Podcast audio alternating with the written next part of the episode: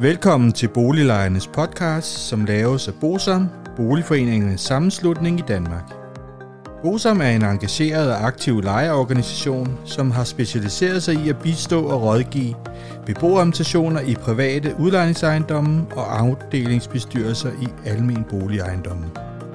Formålet med Boliglejernes podcast er at informere lejerne om nogle af de problemstillinger, som vi ved, at mange lejere ofte spørger om samt at give mulighed for, at nogle aktuelle problemstillinger bliver belyst ud fra et lejerperspektiv.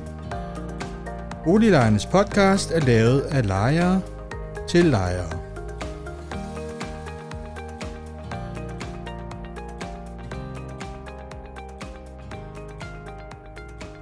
Velkommen til Boliglejernes podcast. Mit navn er René Sur, og jeg arbejder i Bosom. I dag skal vi have 6. afsnit i serien Kampen om Frederiksberg Kommunes beboelsesejendomme.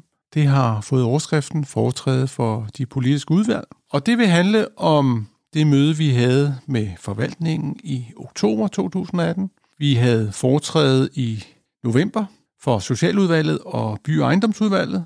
Og i februar måned, der havde vi endnu et foretræde for Bolig- og Ejendomsudvalget.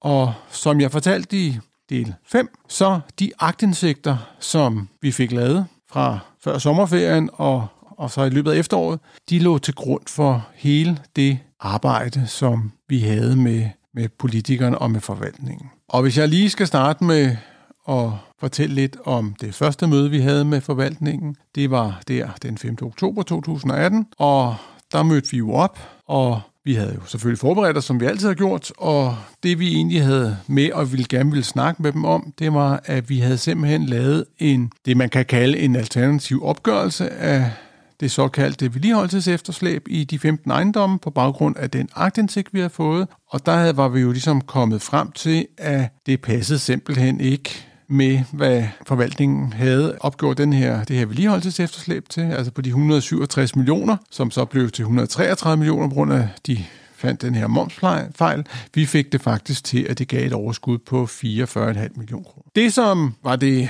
interessante, der var to interessante ting, som jeg vil fremhæve det her møde. For det første må jeg sige, at jeg har aldrig oplevet et møde, hvor jeg har fået så meget skæld ud. Den pågældende vicedirektør han startede simpelthen med at skælde os ud og fortalte os, at vi skulle holde op med at stille spørgsmål til politikerne i spørgetiden, fordi det var spild af deres tid, og det var der ingen grund til. Og da vi så redegjorde for den her det her, den her opgørelse over det her vedligeholdelsesefterslæb, så, mente, så sagde han jo, at vores tal var helt forkerte øh, og så videre, og, og, og det var, det var ja, tæt på fri fantasi. Og øhm, jeg vil sige det på den måde, at de beboere, der var til stede øh, på det møde, og, og jeg, vi var, vi var rimelig rystet efter, efter det møde med, med forvaltningen. Det var utrolig ubehageligt, og de ville slet ikke høre, hvad vi havde at sige til dem. Når man ser tilbage, så kan man jo undre sig over egentlig, at vi overhovedet var blevet indkaldt til det her møde, fordi øh, det var som om, at det var bare et møde, der skulle afholdes, så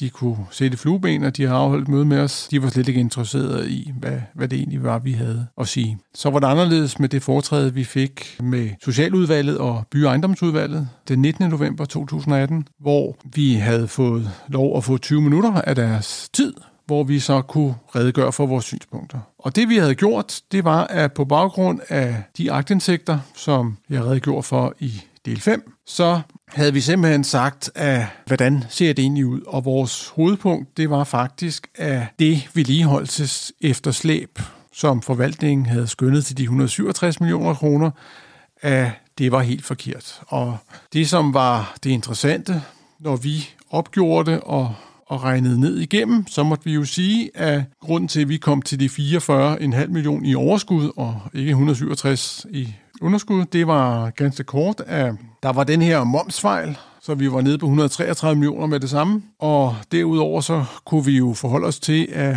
forvaltningen ikke havde taget indsyn til, at lejerne jo hver måned over huslejen indbetaler til udvendig vedligeholdelse. Det var 71 millioner kroner. Forvaltningens begrundelse for, at de ikke tog det med, det var fordi, at de penge ofte blev brugt til akut vedligehold, og så måtte vi jo bare sige, jamen øh, det er sådan set rigtig fint, men øh, i den her opgørelse på, på de 167 millioner kroner, der har I jo det, som beboerne indbetaler som akut vedligehold, så selvfølgelig skal de, de tal med, fordi I har, I har udgiften. Derudover så havde man øh, glemt at på en del af de her ejendomme, der stod penge i grundejernes investeringsfond, det vil sige, det var penge, som lejerne havde indbetalt til udvendig vedligeholdelse, men som kommunen ikke havde brugt til at vedligeholde ejendommen. Og der stod altså 8,5 millioner kroner. Og dem vil vi jo også gerne have i spil, fordi det er jo klart, at det mest fornuftige for skatteborgerne i Frederiksberg Kommune, det var selvfølgelig, at, at man startede med at, at tage de penge, som, som bare stod, som man ikke havde brugt. Derudover fandt vi ud af, når vi gennemgik alt det talmateriale, vi havde fået af cirka 13 millioner kroner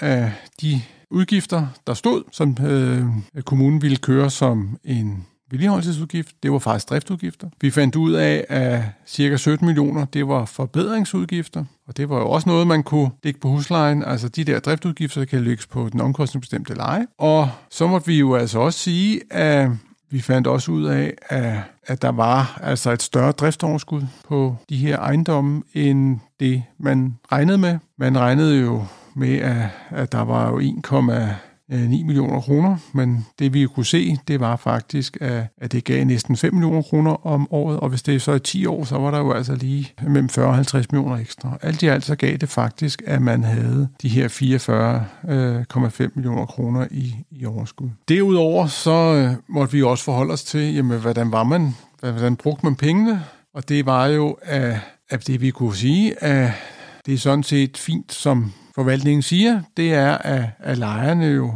godt nok får en, en lavere husleje ved, at de tager det hele på udvendig vedligeholdelse, men det nytter jo ikke noget, hvis at kommunen er nødt til at sælge ejendommene på grund af, at der er for stort underskud. Så det, som vi selvfølgelig bad om, det var, at man brugte lejelån, og så tog de penge, man kunne. Og det er selvfølgelig lidt anderledes for en lejeorganisation, som normalt siger, at vi skal have så lave husleje som muligt, men vi havde aftalt med, med lejerne, at selvfølgelig skulle vi gå ind og sige det her, fordi selvfølgelig skulle lejerne betale deres del af af udgifterne til driften af de her ejendomme. Derudover skal vi altså også sige, at når man gør det på den her måde, at man tager det hele som vedligeholdelse, så må vi så sige, så får Frederiksberg Kommune jo et lavere overskud, og det betyder jo sådan set, at man som kommune har færre penge til det, vi kalder almindelig velfærd til glæde for alle kommunens borgere. Og det, der var det sjove ved det, det var, at det viste sig, at der var faktisk ikke nogen, som havde besluttet det. I hvert fald ikke øh, politisk. Derudover så kunne vi også forholde os til, at de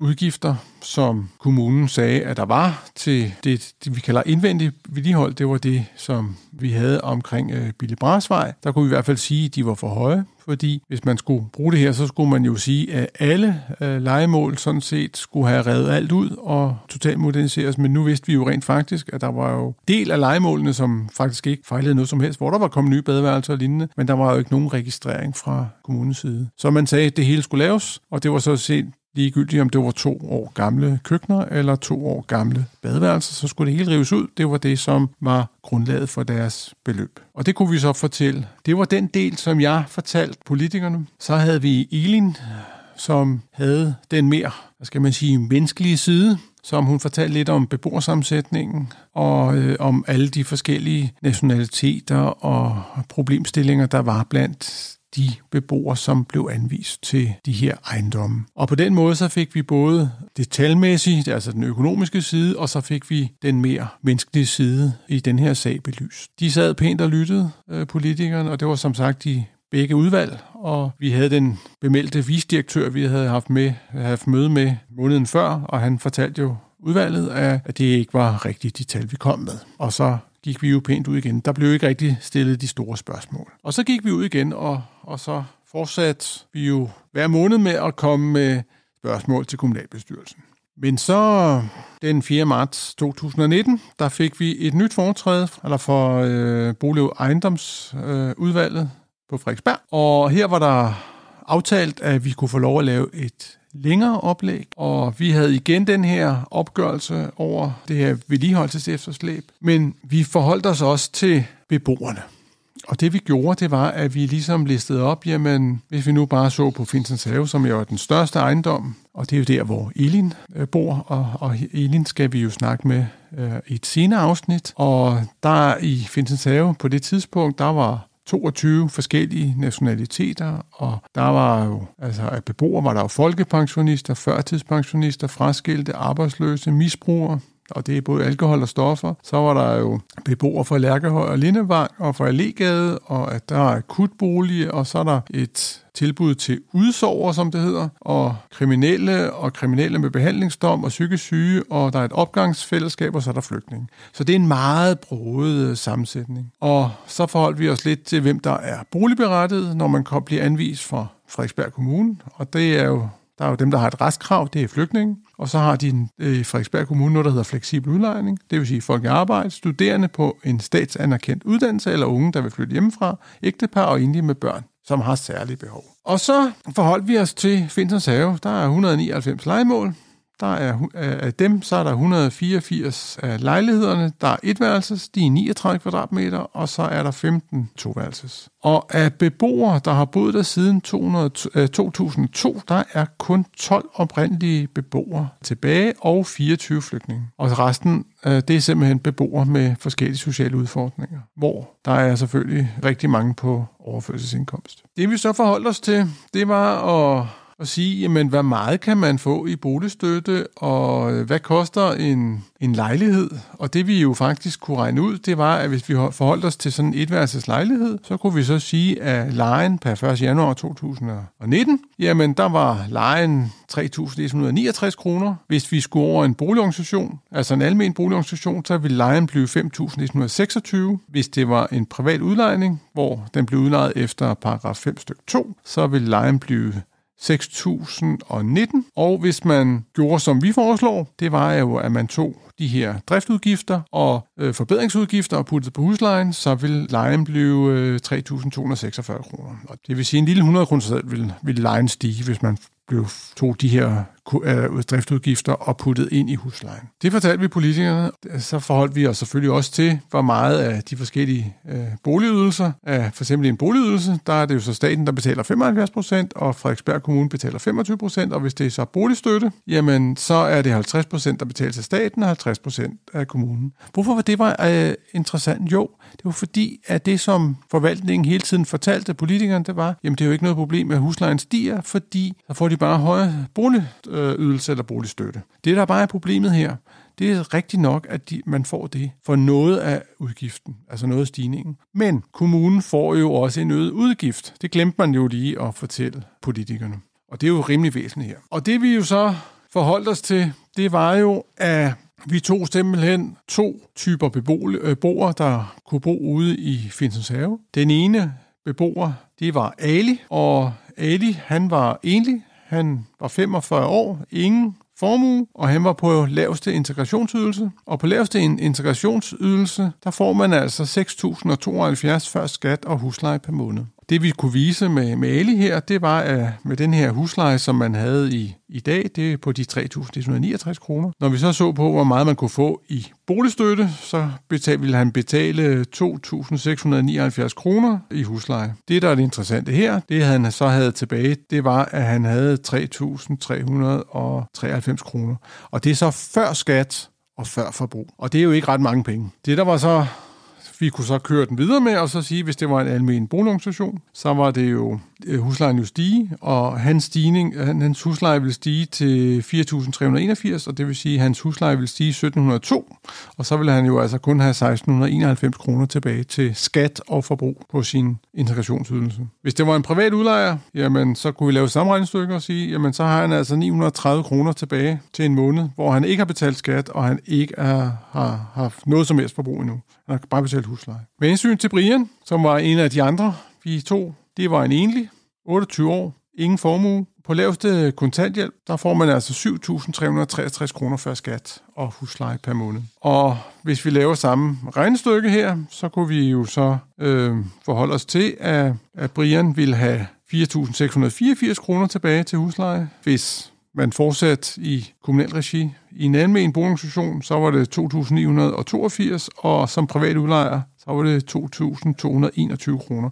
Alle tallene er jo altså inden skat og inden forbrug. Derudover så kunne vi jo så forholde os til, hvad vil det betyde for kommunens økonomi, hvis man øh, solgte Finsens Have og, og så forholdt sig til, at hvad hedder det, at 50 procent var folkepensionister, og 50 procent var på andre overførselsindkomster. Og så lavede vi så beregningen på de kun på de etværelses. Og der kunne vi fortælle, at kommunens udgifter, de vil stige med cirka en kvart million, hvis man solgte til en almen boligorganisation, altså det er hvert år, og hvis man solgte til en privat udlejning, så vil det stige med 360.000 kroner. Og det for simpelthen at vise, jamen det er jo ikke omkostningsfrit, og øh, hvis, man, hvis man vælger at sælge. Det, der var det interessante ved det møde her, det var, at kommunen så kom med et oplæg, og de to så havde så taget vores oplæg fra, hvor vi havde foretrædet for Socialudvalget og Brugtejendomsudvalget, og så måtte de jo slide for slide faktisk give os ret i, at det, vi havde sagt til politikerne, var rigtigt. Det måtte den pågældende visdirektør jo med stor beklagelse i stemmen fortælle, at, at vi sådan set havde ret. Derudover så kunne vi også se på,